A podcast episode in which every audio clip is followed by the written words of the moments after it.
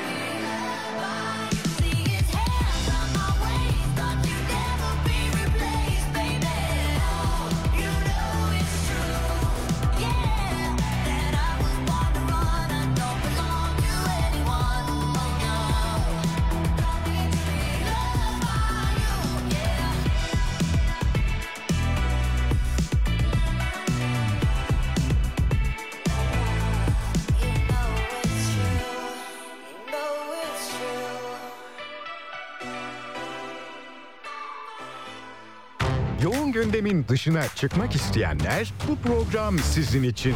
Tiyatrodan sinemaya, seyahat alternatiflerinden modaya, festivallerden konserlere es geçtiğiniz her şey Serhat Sarı Sözen'le gündem dışında. Gündem dışı her pazar 16'da Radyo Sputnik'te. Serhat Sarı Sözen'le gündem dışı devam ediyor. Programın ikinci kısmında birlikteyiz sevgili dinleyenler. Bu defa Seyfettin Araç'ın Unutulmuş Topraklar romanını konuşacağız. Hoş geldiniz. Hoş bulduk. Ee, sadece bu roman da değil genel olarak Seyfettin Araç'ın yaptığı diğer tüm işlere de e, bakacağız. E, Mardin'de doğdu. Zaten bu topraklarda o, o toprakların değil mi Mardin'den e, unutulmuş topraklarda çok izler var. Tümüyle aslında e, oralarla ilgili çok güzel resimler çekmiş. Mazıda yatılı ilköğretim okulunun ardından Diyarbakır'da ortaokulunu e, okuduğunu görüyoruz. Sonra lise bitiyor ve İstanbul'a geliyorsunuz. Bahçeşehir Üniversitesi'nde. Üniversite eğitimim için İstanbul'a gelmiştiniz. Hayır, e, İstanbul, Mardin arasında yaşıyordum. Hı hı hı, E, Yılın 8 ayı Mardin'de, 4 ayı İstanbul'daydık. hı hı. E, Üniversite eğitimi için aslında yurt dışına gidecektim ama İstanbul kısmet oldu, burada kaldım. Evet, Bahçeşehir Üniversitesi Evet. İletişim Fakültesi Radyo, Televizyon ve Sinema bölümünden mezun oldu. 2004 yılında kurduğu şirketler grubunun kurucu başkanlığını sürdürüyor şu an hali hazırda. Ee, Beşiktaş Kongre üyesi aynı zamanda gravür, birinci basım kitap, harita ve yağlı boya resim koleksiyoneri olduğunuzu öğrendik. Ya internette yaptığımız taramalarda. Eski Doğru. CV'ye bakmışsınız. Evet. evet. Bunlar devam etmiyor mu? Hangi Ay etmiyor? devam ediyor. Şirketlerle ilgili ticareti tamamen bıraktım. Bıraktınız. Profesyonel yazarlığa devam ediyor. Peki birçok dergiye derlemeler, öyküler ve şiirler yazdı. Ee, ilk kitabınız e, orada yazdığınız şiirlerin bir toplamı mıydı yoksa hiç yayınlanmayan e, şiirler miydi? E, hangisinden bahsediyoruz? Sevgili yalnızlıktan bahsediyoruz. E, İlk şiir kitabımız bizim kent şiirleri. Hı hı. Ee, ilk romanımız da Sevgili Ah, Yalnız. düzeltelim kent Evet, şiirleri affedersiniz. Evet. Ee, aslında dergilerde yayınlanan e, hiçbir şiirimizi e, ve yazılarımızı, denemelerimizi, öykülerimizi e, çıkardığımız kitaplara koymadık. Hepsini yeni, e, taze taze olanları Evet, e, yayınladık. Aslında editörlerimizin de istediği buydu. Dergilerde daha önce okuyucular zaten okumuşlardır. Biz yeni olanları, çekmecede olanları çıkaralım istediler. Ve kent şiirleri öyle e, çıktı. E, son yılların en kalabalık şiir kitaplarından biri oldu. 225 sayfa bir şiir kitabı derledik. Hı hı. E, tamamen son dönem yazdığım şiirlerden, e, aforizmalardan ve sözlerden oluştu. Evet. Kent Şiirleri kitabı Kent 2020 Şiirleri. yılında basılmıştı. Evet. Araya iki roman girdi. Tam e, acaba şiiri bıraktı mı Seyfettin Araç diyecekken e, bir röportajınızda e, dördüncü kitabın yeniden bir şiir kitabı olduğunu Evet. olacağını anlıyorum. E, sert ve gerçekçi türde diye tanımlıyorsunuz değil mi? Evet. E, dördüncü gelecek olan şiir kitabının. Şöyle biraz şiir akımının dışında bir şeyler yapmak istedim. Çünkü şiir biliyorsunuz romantizm akımına uyan bir e, tür e, yazı. Ben romantizm akımının dışında biraz daha gerçekçi, sert ve roman tadında bir şiir kitabı olsun istedim. Çünkü bazı köşe yazarları benim e, ilk romanım için içinde şiir kitabı gizli diye söylediler. Bu çok hoşuma gitmişti. Bu defa bir şiir kitabının içinde bir roman gizli olsun istedim ve birbiri ardı sıra ardışık 111 şiirden oluşan birbirini tamamlayan e, şiirden oluşan bir e, şiir kitabı çıkarıyoruz. Ama tabii ki e, sert ve gerçekçi bir şiir olsun istiyorum. Çünkü milattan önceki bir aşk hikayesini anlatıyorum. Hmm. Tek aşka odaklandığım bir kitap olacak. Hmm. O da kendi Bütün türünde- şiirler mi? Bütün şiirler tek bir aşka odaklı. Bir kişinin e, birinci teki şahıs diliyle yazdığım Hı bir kitap oldu. Hı. O da e, büyük ihtimalle Ocak ayının başında raflarda olacak. Evet, e, romantik değil dediniz. Genelde biz şairleri, hani gerçekçi dediniz. E, genelde biz şairleri romantik biliriz.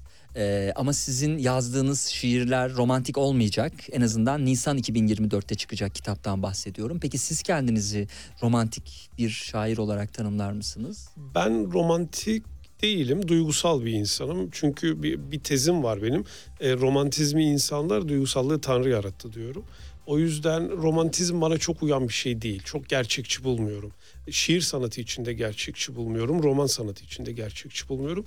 O yüzden daha duygusal, daha travmatik, daha farklı e, anekdotlarla yazmayı e, seviyorum. Peki bölündüğünüzü düşünüyor musunuz? Çünkü toplamda Nisan 2024'te iki şiir, iki roman yazmış olacaksınız. Dengeli bir e, seyir aslında. Bu ne dersiniz? Şöyle Nisan ayı için planladığımız aslında bir romanımız var. Ee, Hmm. Kefaret ismiyle. Ee, yeni çıkacak şiir kitabımız Ocak ayı için Ha, planlıyoruz. zamanda, Evet. tamam. Hatta Nisan Mayıs seçim sonrası için planladığımız e, iki şiir ve üç roman bitmiş olacak bizim Hı hı. için.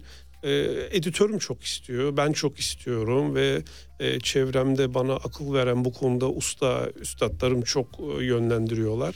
Çünkü ben kendimi şair olarak çok görmüyorum açıkçası. Ee, biraz daha e, romancı kimliğimin ön plana çıkmasını e, istiyorum. E, bu yüzden bu şiir kitabı araya girecek şiir kitabı o yüzden roman tadında olsun istedim. Hmm, Peki romanlarınız şiir tadında, şiirleriniz roman tadında. Evet onu yapmaya Biraz kafa çalışıyorum. karıştırıcı ama yani bu kö- kötü anlamda söylemiyorum bunu olabilir gayet güzel farklı tarzlar denemiş olmanızda biraz sonra ilk e, romana döneceğiz E, orada da denemiş olduğunuz hani yasaklı kelimeler Evet. e, kendinizi zorladığınız ve farklı bir e, arayışta olduğunuzun da aslında e, bir manifestosu gibi duruyor. Evet e, sevgili yalnızlık e, romanına döneceğiz sevgili dinleyenler. İlaveten Pen Yazarlar Birliği Türkiye Denetleme Kurulu üyesi ve Yeditepe Üniversitesi'nde de öğretim görevlisi olarak e, faaliyet gösteriyor.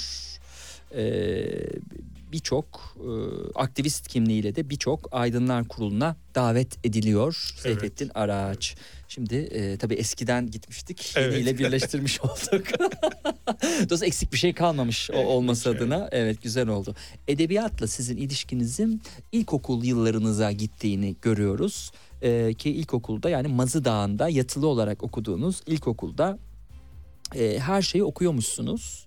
E, orada haftalık edindiğiniz masal ve hit hikaye kitaplarıyla başlamış değil mi? Doğrudur. Okumayla olan ilişkiniz.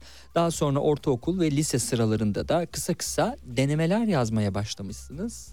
E, ve o sürelerde ciddi bir okuma e, deneyimi e, edinmişsiniz.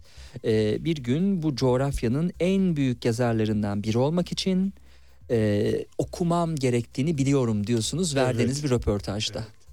Ya şöyle bana göre iyi bir yazar her şeyden önce çok iyi bir okur olmalı. İyi bir okur olmadan iyi bir yazar olma şansınız yok. E, hele ki e, bu coğrafyada yaşıyorsanız e, Rus edebiyatına hakim olmanız lazım, İngiliz edebiyatına hakim olmanız lazım, Türk edebiyatına hakim olmanız lazım, Avrupa edebiyatına hakim olmanız lazım. Benim ilk gençlik yıllarım bu bütün edebiyat türlerini, edebiyat bölümlerini, yazarları e, ve roman türlerini, şiir türlerini, hikaye öykü türlerini araştırarak, okuyarak geçti. E, o dönemlerde tabii ki çok büyük bir yazar olma e, iddiam vardı. E, Ondan sonra biraz istemediğimiz şeyler araya girdi. Hep dergicilik yaptım, e, birçok dergide yazdım ama profesyonel anlamda yazar e, kimliğini kazanmam biraz e, zaman aldı. Çünkü Niye? İş, iş vardı Hmm. hep aile işleri hı. vardı ve e, o işleri yapma gereksinimi vardı. Aslında gereksinim de denmez pek ama biz e, bir kılıf bu bulmak zorundayız kaçmak için kendimizi başarısız ya da ko- korku korktu dememek için e, korkak dememek için E, o dönem iş yüzünden biraz e, ticarete devam etmek zorunda kaldım ve kendi işlerimizi yaptım ama her zaman edebiyat vardı. E, edebiyattan hiçbir zaman kopmadım. E, çok iyi dergilerde yazdım. Çok güzel dergilerde yazdım. Üniversite yıllarından başlamıştım. Tabii, tabii, üniversite yazdınız. yıllarında. Dergilerde yazmadım. Evet, üniversite yıllarında başladım. Sonra böyle artık profesyonel anlamda hayal ettiğim o büyük yazar statüsüne kavuşmak için ve insanlara yazabildiğim şeyleri oku- okutabilmek için bu yola girmem gerektiğini e, düşündüm. Birçok arkadaşım e, beni çok e, bu konuda cesaretlendirdiler ve kitaplar e, ardarda arda çıkmaya başladı. Evet. Kim iyi edebiyat yapabilir sizce? Bunu bir röportajınızdan yine e, Evet. alarak e, aktarıyorum, soruyorum. E, normalde hani bu konuklara sorduğum böyle hani klasik bunu size yazmaya iten neydi? Başucu kitabınız neydi? gibi klasik sorularım yok podcastlere baktıysanız.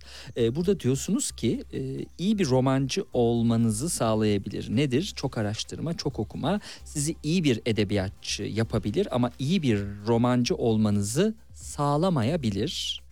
E, fakat hayatın içinden geliyorsanız, yaşamın tüm kaynaklarından arınıp çıkmışsanız, insanlarla insan gibi iletişim kurup, insanları insan gibi görüp karşılığında insanlık görmüşseniz, acılar yaşamış, acılar görmüş, acılar tatmışsanız iyi bir romancı kimliğinizle pekiştirip güzel eserler yaratmak artık zor değildir diye sürdürdüğü metinler, Evet. evet. cümlelerde. Şöyle bence hayatın içinden geliyorsanız iyi bir yazar olabilirsiniz. Ama yine Hmm. ilk iddiamda duruyorum. iyi bir okuyucu olmanız gerekiyor. Hayatın içinden geliyor olmanız gerekiyor ve hikayelerinizin olması lazım. Yaşadıklarınız, gördükleriniz, duyduklarınız bunlar çok önemli. Birçok insan çok kötü şeyler, acılar ya da travmalar yaşıyor ama bunu kağıda dökebilmek sanat. Hı hı. E, Biz bu sanatı gerçekleştirebilen kalemler ya da yazarlar biraz hayatın e, içinden geldiğimiz için şanslıyız. Bunu kağıda dökebildiğimiz için şanslıyız ve bunu sevdiğimiz için şanslıyız. Yani bana en çok sorulan röportajlarda ya da gittiğim konferanslarda en çok sorulan soru neden edebiyat? Hı. Başka çarem yok. Ben yazarak anlatabiliyorum. Hı. Başkası konuşarak anlatabiliyor. Başkası film çekerek anlatıyor. Biri belgesel çekerek anlatıyor. Biri şiir yazarak anlatıyor. Biri roman yazarak anlatıyor. Biri köşesinde köşe yazısı yazarak anlatıyor. Ee, Ben kimi tiyatro oyunu yazarak anlatıyor. Kimi oynayarak anlatıyor. Ben romancı kimliğim ve şair kimliğimle yazarak anlatabilen insanlardanım. Hı hı. O yüzden elimdeki tek e, zenginliğim bu. Tek Ama maharet. zenginliğinizin de maşallahı var yani daha ne olsun dedirtecek bir Çok zenginlik teşekkür sonuç olarak. ediyorum. Ee, peki e, ilgili kısımda benim doğru mu anlamışım? Şimdi siz e, unutulmuş topraklarda bir Mardin tabii ki Evet. e, damgası var. E, Mardin'de birçok kişinin e, oraya gitmiş belki birkaç günlüğüne gitmiş görmüş. Aa ne güzel demiş ben burayla bir ilgili bir roman yazarım demiş. Bir köy romanı yazmaya çalışmış diyelim ki. E, kişinin aslında o yazdığı roman değil mi sizin düşüncenizle çok iyi olmayabilir. Çünkü o toprakları acaba ne kadar yansıtacak? Yani işte birkaç günlük bir görmeyle bir Mardin yazma ya da bir köy yazma edebiyat ne kadar iyi olursa olsun ne sizi o kitabın romanın kapağını kapattırır ve daha okutmaz? Şöyle düşünün. Çok her- iyi bir sanat sergilendiğini düşünelim. Kesinlikle. Şöyle düşünün. e, Yaşar Kemal İnce Mehmet'i yazdığı zaman yıllarca Çukurova'daydı. Çukurova'nın çocuğuydu. Orada büyümüştü. Orada dizi parçalanmıştı. Da işte gözü gözünü kaybetmişti. Attan düşmüştü. Dayak yemişti. Acı yaşamıştı. Mutlu olmuştu. E, karnı orada doymuştu. Orada aç kalmıştı. Ama Yaşar Kemal dışında örnek söylüyorum. Sabahattin Ali çok büyük bir yazar ama Sabahattin Ali e, gidip de e, Torosları yazamazdı. Yazardı ama hasbel kader yazardı. Ne kadar iyi bir yazar olursanız olun ben mesela unut- unutulmuş topraklar e, Türkiye'de yine daha önce yazılmamış bir türde yazdığım bir roman. Yani hem narrator tanrı anlatıcı diliyle yazdım hem de birinci tekil şahıs diliyle yazdım. iki farklı girişi olan ve iki farklı finali olan bir roman. Bunu yaparken ben eğer Mardin'de çocukluğu ilk gençlik yılları geçmemiş bir insan olarak yazmış olsaydım inanın çok e, eksik kalırdı. Zürih'i anlatıyorum girişte Zürih'te bir- Gireceğim. Evet. Gireceğim. Orayı unutmayın Peki. lütfen. Ee, peki. Ee, oraları görmek lazım diyorsunuz. E tabii bu bir yazar olarak hani e, sizin görüşünüz dinleyiciler katılır katılmaz. Çünkü bundan şöyle bir şey çıkabilir. Yani Yaşar Kemal e, oralarda hiç yaşamasaydı da acaba hani o sanatıyla, hayal gücüyle bu gözlemlerini yansıtsaydı muhtemelen çelişkiler olurdu, hatalar olurdu. Ama yine iyi bir kitap çıkarırdı. Çıkardı ama hani kapattırır mıydı kapağı? O farklı görüşler verilebilir. Hani sizin görüşünüz çok değerli konuk olarak. O Teşekkür yüzden itibar edilmesi gereken bir görüş. Ee, ama hani farklı görüşler de olabilir tabii ki. Ee, kurgu olduğu için çünkü. Sevgili yalnızlığa gidelim. Hemen biz. İsviçre'ye götürmeyin. Ee, Tamam. Gidelim adım adım. Çünkü o da çok değerli bir e, çalışma. Başta şiir kitabı diye bir dilim suçtu ama E, sonra toparladık. sorun. Evet bir kadın ve bir erkek var değil mi? Likos ve Tidu. Ee, onunla tanışıyoruz bu romanda ve yine İstanbul'da bir adadayız. Likos iflah olmaz bir hayalperest. Tidu ise bunun tam tersi bir gerçekçi. Sanki bir düşün içindeler, zamansızlığın yarattığı bir zaman boşluğunun içinde uzun uzun sohbetler ediyorlar. Ee, düş olmayabilir bu, Ee, hepsi gerçek de olabilir.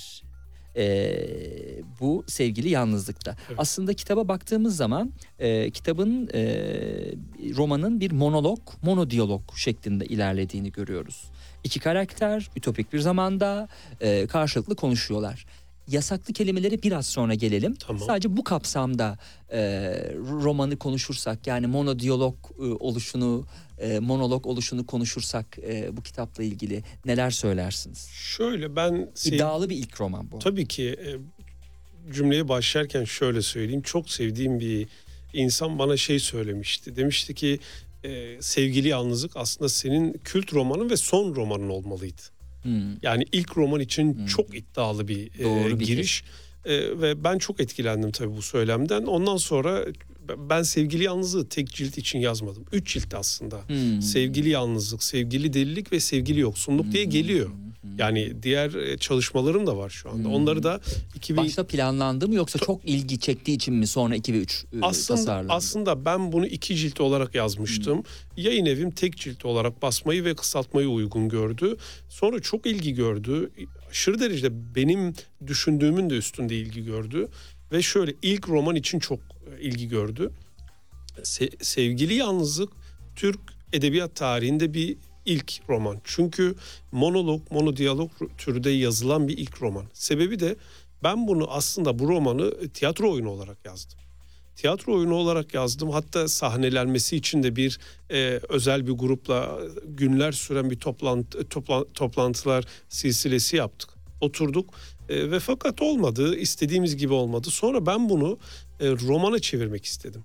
Romana çevirmem de biraz zamanımı aldı. Yani neredeyse iki yıla yakın zamanımı aldı. E, Sevgili Yalnızlık çok zor bir roman. E, hangi çağda geçtiğini bilmiyoruz. E, hangi döneme ait olduğunu bilmiyoruz. E, sizin de bahsettiğiniz gibi birazdan geleceğimiz nokta yasaklı kelimeleri olan o yasaklı kelimeleri söylediğinde kendini kaybedecek bir karakterimiz var. Ütopik Evet. karakterler bunlar. Evet, değil mi? Aslında e, bu Adem ve Havva'nın da kovuluşuna da bir Bizzati, gönderme değil mi? kesinlikle, evet. O yasaklı kelimeleri kullandığınız zaman e, Evet. bambaşka şeyler olacak. Aldığım notlara baktığım zaman bambaşka olacak şeyler ne? Birbirlerini kaybedecekler. Öyle oluyor evet. Çünkü o o kelimeler onlar için çok önemli ve e, şöyle düşünün ben Likos'u ve Tido'yu yaratırken e, tamamen kurgusal bir roman oldu. E, Likos biliyorsunuz İstanbul'un ilk ismi. ilk adı. E, Tido Mardin'in ilk adı. Likos İstanbul'un ilk adı, Tido Mardin'in ilk adı. Ve şöyle bir şöyle bir durum oluştu. E, in- ben bunları yaratırken İstanbul için biliyorsunuz acılar kraliçesi der eski şairler. E, tam bir kadın figürüdür e, İstanbul. Mardin'de bir erkek figürüdür. Kartal yuvası, kartal. E, ben burada okuyucu yine ters köşe yapmak için Mardin'i e, kadın, İstanbul'u erkek yaptım.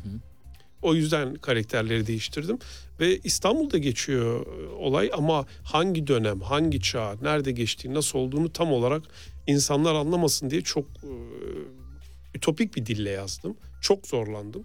Çünkü e, benim bütün akademisyen arkadaşlarım, yazar arkadaşlarım, etrafımdaki insanlar, iyi edebiyat okurları sevgili yalnızı 2-3 defa okuduklarını söylüyorlar. Çünkü ilkinde anlamadıklarını, zor geldiğini hatta bazen 20 sayfa geri dönüp tekrar okuduklarını söylüyorlar. Kitabın en can alıcı ve benim çok uğraştığım bir bölümü var. E, 6-7 sayfayı noktasız yazmaya çalıştım. O da bir kendime meydan okumaydı. Evet, bir, bir challenge'lar topluluğu Kesinlikle, aslında sizin evet, yaptığınız evet. şey. Niye bunu yapıyorsunuz? Sebebi şu ben e, kalemime güveniyorum. Hı hı. İyi bir yazar olduğumu biliyorum. Ama iyi bir yazar olduğumu insanlar bilmiyor. İnsanların iyi bir yazar okuduğunu, iyi bir yazarın eserini okuduklarını görmelerini istiyorum, anlamalarını istiyorum, hissetmelerini istiyorum. Ben y- 7-24 evde, ofiste, çarşıda, sokakta iyi bir yazarım diye gezinip dursam ne gam. İnsanlar iyi bir yazarın iyi eserini okumadıktan sonra bir anlamı yok. Bunu yapabilmemin şeyi de edebiyata geç profesyonel anlamda geç başladığım için kendime göre tabii bunu söylüyorum. E, 36 yaşımda başladım, 37 yaşında başladım. E, biraz hem acele ediyorum hem de öyle eserler ortaya koymaya çalışıyorum ki insanların dikkatini çekebilsin ve o kitabı alıp okusunlar. Evet yaş da bu arada gayet uygun. Çünkü öbür türlü 20'li yaşlarda yapıp da yazdıklarınızdan pişman olup bunu nasıl yazdın Evet. deyip e, hayıflanmak da ayrı bir şey. Yalnız e, yani yayın evlerinden birinden ikisinden bağımsız olarak hepsinin e, şu saçmalıklarından gerçekten artık bıktım. E, kısa yazın az yazın okumuyor satılmıyor yok bilmem ne şu bu filan diye bu kadar zahmetle yazılmış. E, kitabı nasıl kısalttırırlar, nasıl sayfalara attırırlar, e, değil mi? Kitaptan çıkartırırlar. Maalesef. Bir tuhaflık var. Yani Po- sizin sadece kültür. yayın evinizle alakalı değil, bütün yayın evleri bunu yapıyor. Bu yayın evleri bu kafayla e, hani Rusya'da olsaydı eğer Dostoyevski'nin olduğu dönemlerde, Tolstoy'un olduğu dönemlerde bunlar bu kafayla hayatta e, ne suç ve cezayı bu kadar kalın yaptırırlardı. İncecik 150 sayfalık suç ve ceza olurdu. Ne savaş ve barış bu kadar uzun olurdu. Ne Anna Karenina bu kadar uzun olurdu. Allah'tan bunlar e, dönemin Rusya'sında ya da Fransa'sında o klasiklerin yazıldığı dönemlerde yayıncılık yapmamışlar da hani oraya burunlarını sokmamışlar da bu zaman olmuş da en azından e, çok fazla etkilenmemişiz. Burada bir parantez açayım. Peki. Ben de bir şeyler söylemek istiyorum. Ben e, iyi ki 20-30 yıl önce de bu yayıncılar yoktu. Yoksa tutunamayanlar da yayınlanamazdı. bir gün tek başına da yayınlanamazdı. E, düşünsenize Vedat Türk Ali'yi okuyamayacaktık belki de. Oğuz Atay'ı okuyamayacaktık belki de. Diyecekler İnce Mehmetleri de okuyamayacaktık. at. Yani atılacak şey mi o her bir sayfası Kesinlikle. paha biçilemez bunlar. Ya şöyle düşünün. Ben günlerce yayın evimle tartıştım. Türkiye'nin en büyük yayın evi. Günlerce tartıştım. Yani şunu anlatab ya Seyfettin bu okunmaz. Daha ya ben popüler kültür yapmıyorum. Ben açıkçası insanlar için kitap yazmıyorum. Ben sanat için kitap yazıyorum.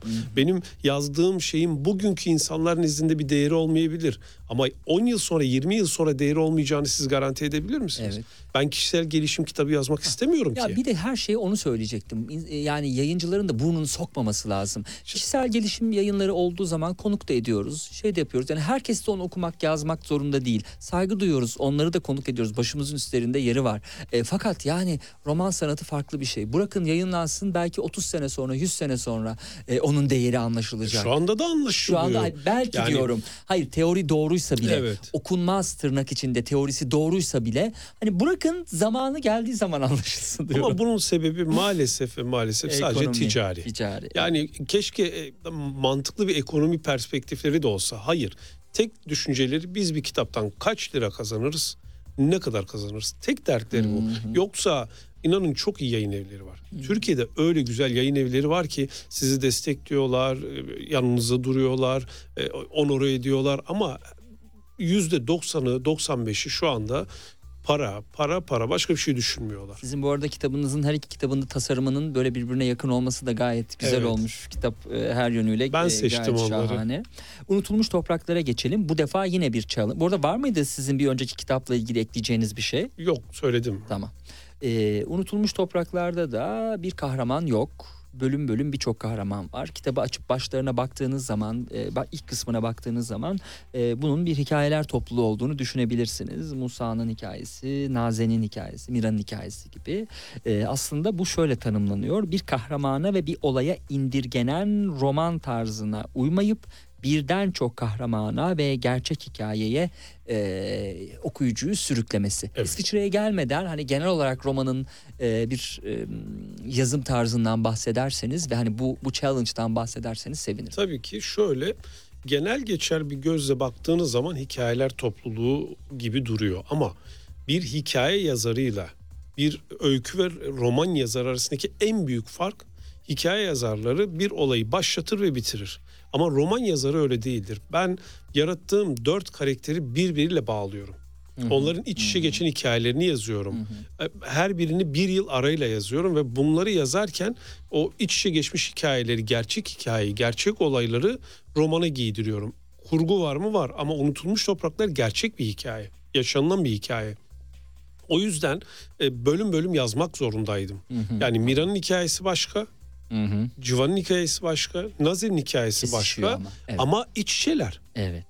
İsviçre'deyiz. Evet. Kitabın başı itibariyle Miran yanında Vilma ile çıkıyor karşımıza. Ee, kafasında da bir dünya düşünceyle tabii Evet. bunları e, bir monolog şeklinde okuyucuya sunuyor. Sonra telefonu çalıyor. Ee, arayan Musa değil mi? Musa'nın Evet. telefonuyla Miran e, bavulunu toplayıp Zürih'ten Mardin'e gitmek durumunda kalacak. Kalıcı. Başı böyle bu şekilde. Musa sadece Naze diyebilmiştir. Başka da bir şey demez telefonda. Fakat bu e, Miran için fazlasıyla yeterlidir. Yeterlidir. Apar topar e, kendisini toplama bağlamında. Kitapta dört bölüm, var. E, sayfa 21'de Civan'ın hikayesiyle başlamak istiyorum. E, bu arada her bir bölüm farklı renklerle karşımıza çıkıyor. Gen- Genelde siyah beyazdır ama bu da bir zahmet. Evet. E, renkler ne anlatacak okuyucuya? Renkler o karakterin yaşadığı Hmm. acıyı ve onunla özdeşleşen rengi vermeye çalıştık. Civan kanla başlıyor, kırmızıyla Hmm. başlattık. Evet. Bakalım e, bu e, sevgili babasıyla ilgili kısım yani yazarın kanla başlıyor dediği kısım e, nasıl başlayacak? Babası öldürüldüğünde Civan 5 yaşındaydı. Sonrasında hayatı boyunca bir daha mutlu olamadı. Güneydoğu'da zamanın en karışık, savaşın ve kıyımın en azgın olduğu fali meçhul cinayetlerin ayyuka çıktığı 80'li yılların sonu 90'lı yılların başıydı. Her yerin ölümle, acıyla sınandığı, insanların ortalardan kaybolduğu, cesetlerin kuyulardan, mağaralardan, toplu mezarlardan toplandığı, açlığın, sefaletin, çaresizliğin, korkunun kol gezdiği, devletin, sistemin, hukukun olmadığı bir dönemde kimsenin neden, ne sebeple olduğunu anlamadığı bir şekilde Civan'ın babası Azmi öldürüldü. Bu şekilde bir başlangıç. Biraz uzun bir giriş. Hı hı. Yerinde dozunda bir giriş aslında. Evet ayrı bir bölüm değil ama Azmi'nin hikayesinde yine devamında var. Yani Azmi'nin hikayesi denebilirmiş ama aslında Civan'la çok bağlantılı olduğu için oradan devam ediyor.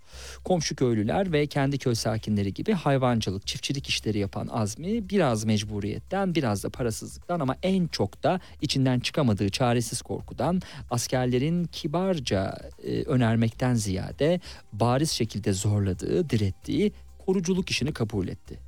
Köylerindeki diğer tüm erkekler gibi eline silah alıp devlet için örgütle çatışmaya, gerekirse dağlarda savaşmaya karar veren Azmi, daha ilk maaşını bile alamadan bir akşam köyün arka tarafında üzüm bağlarının iç kısmında vahşice öldürüldü diye sürdürdüğü metinlerde. Bu da Azmi'nin kısa hikayesi ama sonra e, şeyde geziyoruz zaten. Her iki kesişen hikayede de geziyoruz. Buradan Civan'ın hikayesiyle sözü size bırakmış olayım. Civan bizim aslında baş karakterlerimizden biriydi. Ee, isimleri değiştirmek zorunda kaldım. Ee, maalesef izin alamadığımız için. Civan 5 yaşında babasını kaybediyor. Ve hikaye öyle başlıyor. Çünkü köylerinde okul yok.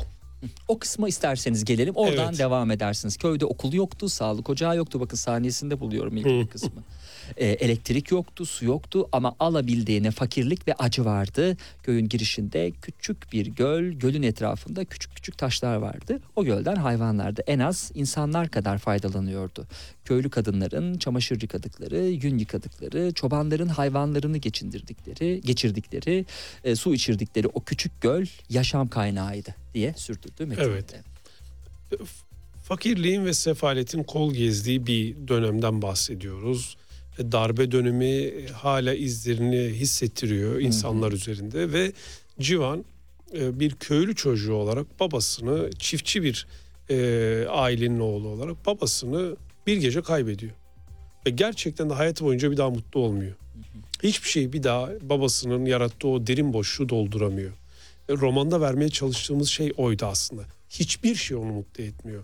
Akranlarından daha zeki olması ya da akıllı olması ya da işte e, Türkçe biliyor olması, avantajları olması hiçbir şey onu mutlu etmiyor. E, en nihayetinde de zaten finalde nasıl mutsuzluğa gömüldüğünü çok uzun cümlelerle Hmm, okuyucuya evet. vermeye çalıştım. Evet evet. Civan'ı bir tek kitapta e, tabii yer yerde çok e, önemli bir kısım teşkil ettiği için mutlu eden tek şey köylerine elektrik gelmesi değil mi? Tam bir yoksulluk Evet onun içindeler. için onun için artık şans En dönmeye başlıyor ve Hı hı. e, köye gelen baş mühendis Civan'la ilgilenip onun e, deha sayılacak e, duruşuyla, bakış açısıyla, perspektifiyle karşılaşıp şaşırıp ona yeni bir hayat sunmaya çalışıyor. Tabii onunla beraber köyde yaşayan diğer çocukları da. Ee, tabii elektrik gelmesini özellikle o mühendiste yollarının kesişmesi anlamında önemli olduğu için vurgulamak istedim. Ee, şimdi sayfa 126 okulun diye başlayan kısma e, götüreceğiz e, okuyucuyu. Okula alışma ve okul kuralları kısmında okulun ara döneminde e, gelen dolayısıyla eğitim öğretime geç katılan bu köy çocuklarını okula adapte etmek epey zor olacağı benziyordu. Öyle ki üst sınıfların derslerine girdikleri için bu çocukların eğitimiyle doğrudan ilgili olmayan öğretmenler bile tartışmaya katılıyordu. İşte tam olarak aslında başta söylediğimiz hani oraları bilmeyen kişi değil mi? Hani elektriğin olmadığını bilemez. işte çocukların okulu bile olmadığını bilemez. Su olmadığını bilemez. Canlandıramaz. Hani kurgu dünyasında bambaşka bir şey yaratılabilir. O da çok değerli. O ayrı.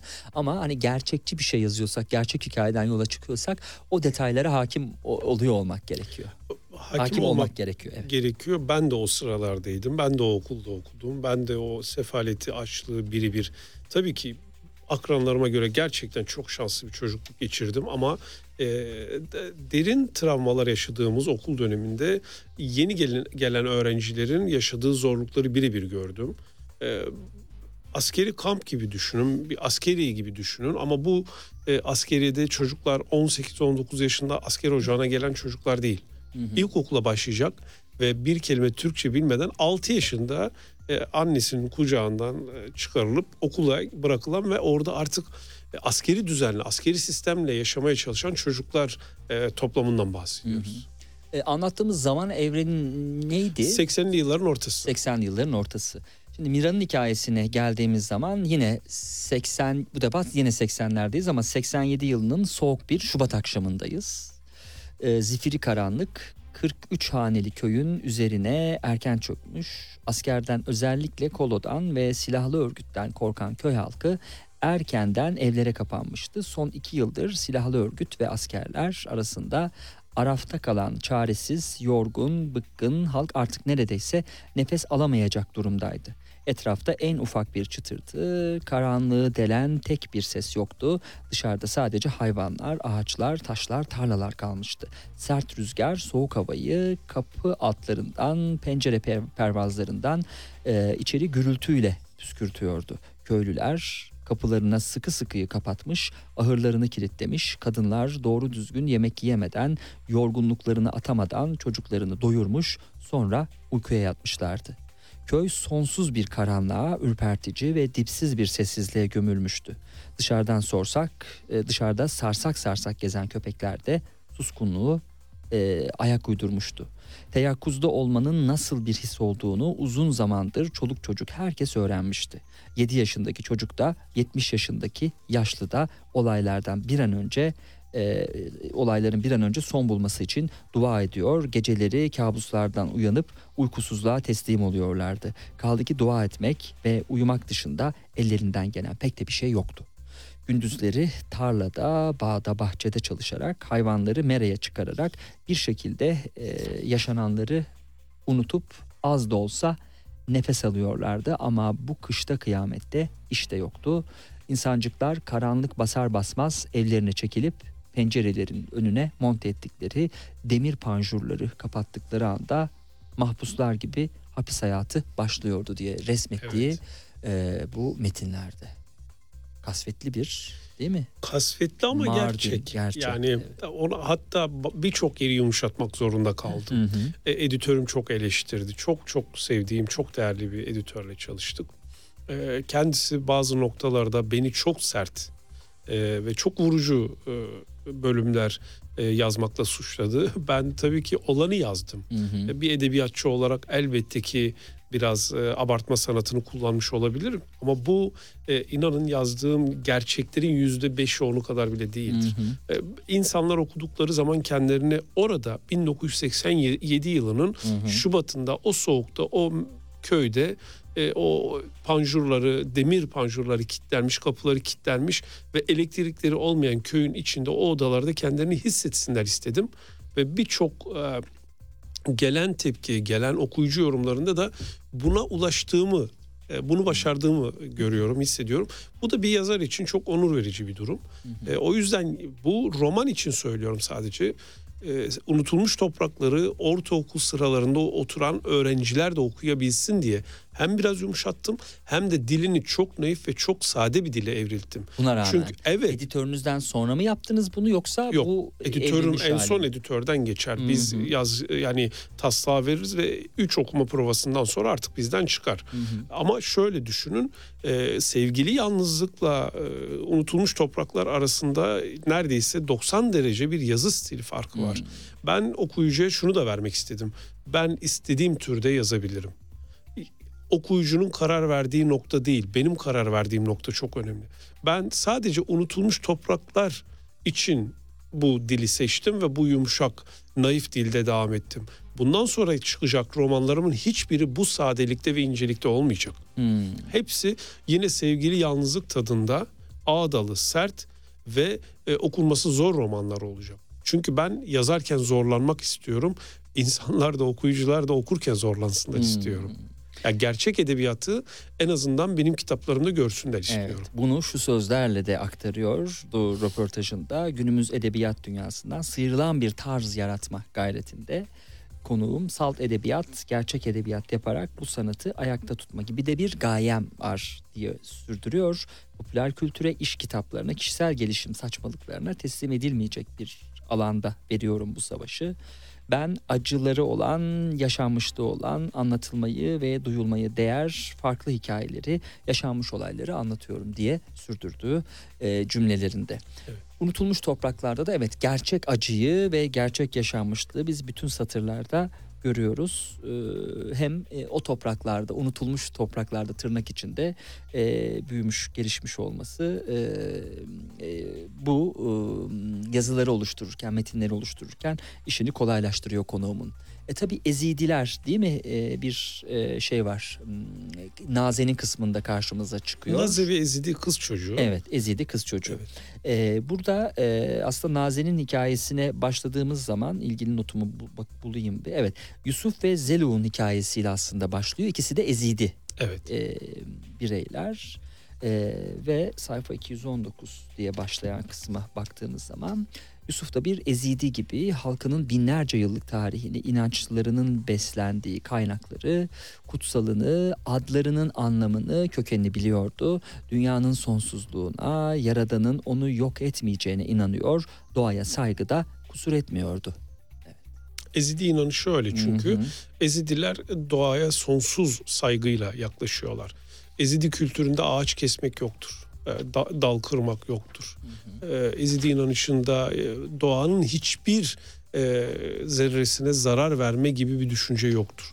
Ezidiler e, tarih boyunca belki de bu coğrafyanın görmüş olduğu en hümanist e, bireyleri ve topluluğudur.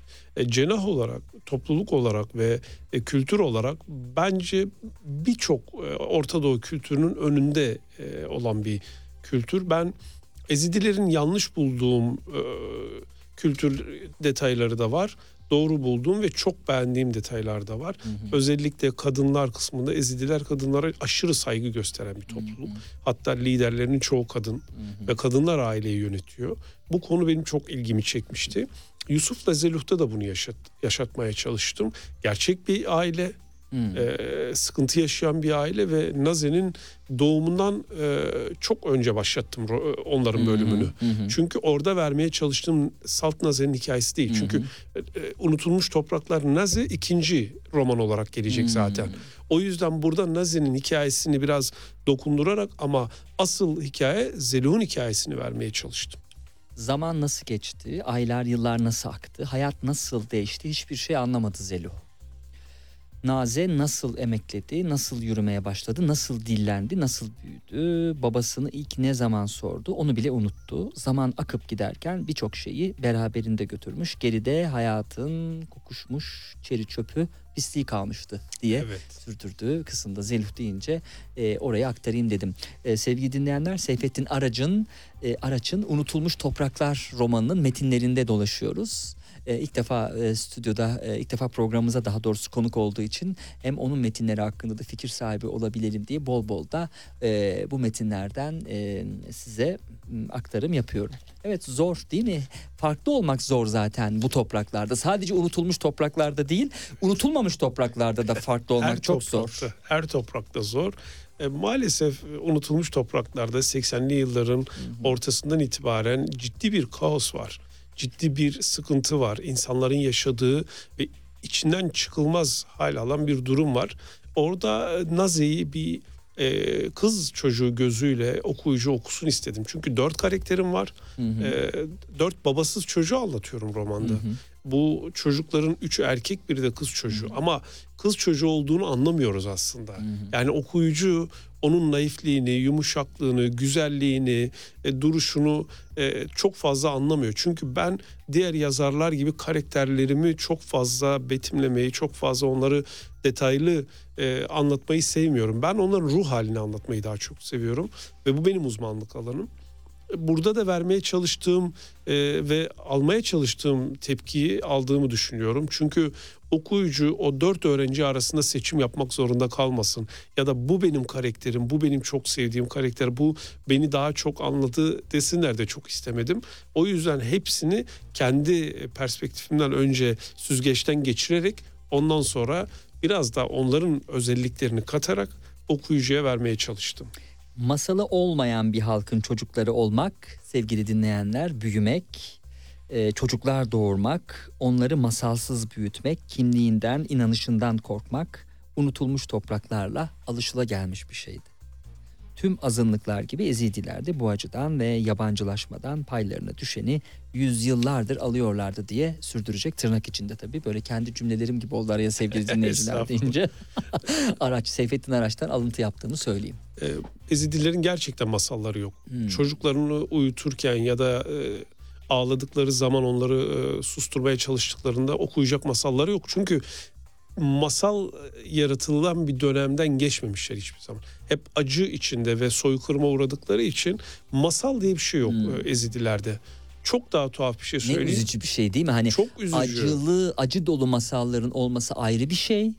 Ama onun bile olmaması. O bile yaratılmamış ve çok daha şey e, Ezidilerin çocukları çok erken öldüğü için hiçbirine güzel isimler koymuyorlar. Hmm. Şey inanıyorlar. Hem nazara inanıyorlar.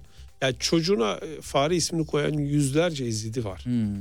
Çabuk Kedi- ölecek Tabii diye. tabii nasıl olsa ölecek ne isim koyalım gibi bir e, durum var. Ben bunları araştırırken Ezidi köylerine gidip Ezidi ailelerle saatler, günler, Niye o kadar haftalar erken süren ölüyormuş bu arada e, çocuklar? O dönem tabii ki dağda yaşıyorlar çoğu. Ha, yerleşik coğrafi koşullar. Evet, coğrafi koşullardan dolayı yerleşik hayata daha tam geçmemişler ve e, en son işit saldırılarında dahi biliyorsunuz on binlerce Ezidi katledildi.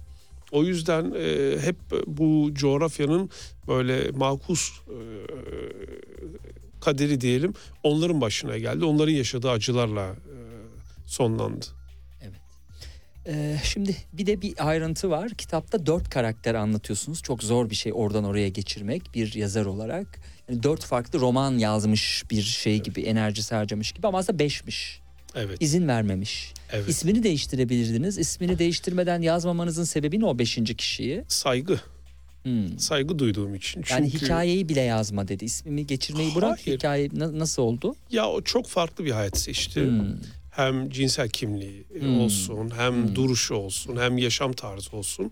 O farklı bir hayat seçti ve biz insan olarak e, saygı duymak zorundayız. Onun yaşantısına, seçimlerine, kararlarına saygı duymak zorundayız. Her ne kadar e, bu beş karakterden biri olduğu için bu romanda olması gerektiyse de e, kendi kararıyla olmak e, istemedi. Ben böyle bir şeyde olmak istemiyorum çünkü ailem bu kitabı okuduğu zaman onun ben olduğumu anlayacaklar dedi. Hmm. E, Ben de e, saygı duyduğum için e, onu karakter o karakteri romandan çıkardım ve 6-7 ay onunla uğraştım sadece. Aa. Çünkü çıkardıktan Ay, ne sonra birbirine de tabii ki birbirine değen bölümleri de çıkarmanız gerekiyor. Hmm. O anıları, o hatıraları, o yaşanmışlıkları. Çünkü o kadar muhteşem detaylar vardı ki. Evet. Bir, bir cümleyi unutmuşsunuz yalnız. Biz onu tespit ettik. Evet. O kişiyle ilgili. Nasıl? Yok yok öyle bir Ha, şey yok yok arada. Olur mu olabilirdi yani peki. Yazarın yok. heyecanlı anları. Dört okuma provası yaptık. Evet peki. Ee, şimdi biraz soluklandıralım sizi. Siz suyunuzu içerken ee, gelen kitaplara şöyle bir baktığım zaman İpek Ongun'un Neydi O adlı kitabı ee, bugünkü kargodan çıktı. Bu soru son yıllarda özellikle de biz ileri ee, yaşlar, yaştakilere ve hatta genç de diyebileceğimiz e, odak noktası olan kişilere e, soruluyor diyor. Son cümleyi kelimeleri uydurdum soruluyor diye şey çünkü okuyamadım. E, hem silik yazmışlar hem küçük yazmışlar. E, o yüzden neydi o? İpek Ongun'un kitabı demekle yetineceğim. İdil Hazan Cohen'in Yeni Nesil Anne adlı kitabını e, görüyorum. E, Cohen'in kaleminden hayatının en büyük sürpriziyle gelecek planlarını yeniden yapan modern, e, matrak ve büyük konuşan bir anne adayının kahkahalar vaat eden zorlu yolculuğunu anlatıyormuş bu gelen kitapta. Bahar Eriş'in Düşleyen, Düşünen, Dönüşen İnsan kitabı da e, okulda öğretilmeyen yaşam becerilerini bize anlatıyormuş. E, burada da Bahar Eriş yeni gerçeklere e, uyumsuz hayatlarımızı birçok yönden yeniden düşünmek ve dönüştürmek zorunda olduğumuzu bunun için de duygusal zeka, dikkat ve odaklanma, yaratıcılık, eleştirel düşünme ve zaman yönetim becerilerinin geliştirmemiz gerektiğini bize söylüyormuş. Peki e, size bunların dışında bir kitap e, vereceğim çünkü bu üç kitapta size hitap etmeyeceğini değerlendirdim. Çok teşekkür ederim. Mahir Ünsal Eriş'in Öbürküler adlı romanını vereceğim. Çok da sevdiğim bir romandır. Mahir Ünsal Eriş'i konuk da etmiştik stüdyomuzda. Bizim millet unutmaya meraklıdır. Dünya ikiye yarılsa üç gün sonra dünyada olduğunu hatırlamaz dediği Güzel. e, üst başlıkta Öbürküler romanını size şöyle uzatalım. Çok teşekkür ettim. Biz teşekkür ederiz. E, var mı son olarak söyleyeceğiniz bir şey? Teşekkürler Ağ- geldiğiniz için ağırladığınız bitti için program. çok teşekkür ediyorum. Evet. Çok e, e, kibar, çok naifsiniz. Her şey için size ve ekibinize sonsuz teşekkürler. Biz teşekkür ederiz. Programın ikinci kısmında Seyfettin Araç'ın Unutulmuş Topraklar romanını e, e, konuştuk sevgili dinleyenler ve yaptığı diğer bütün işleri de aslında konuştuk Seyfettin Araç'ın. Şu an ikinci baskısı bizim elimizdeydi. E, etkilendim, hoşuma gitti. Hararetle de öneriyorum size.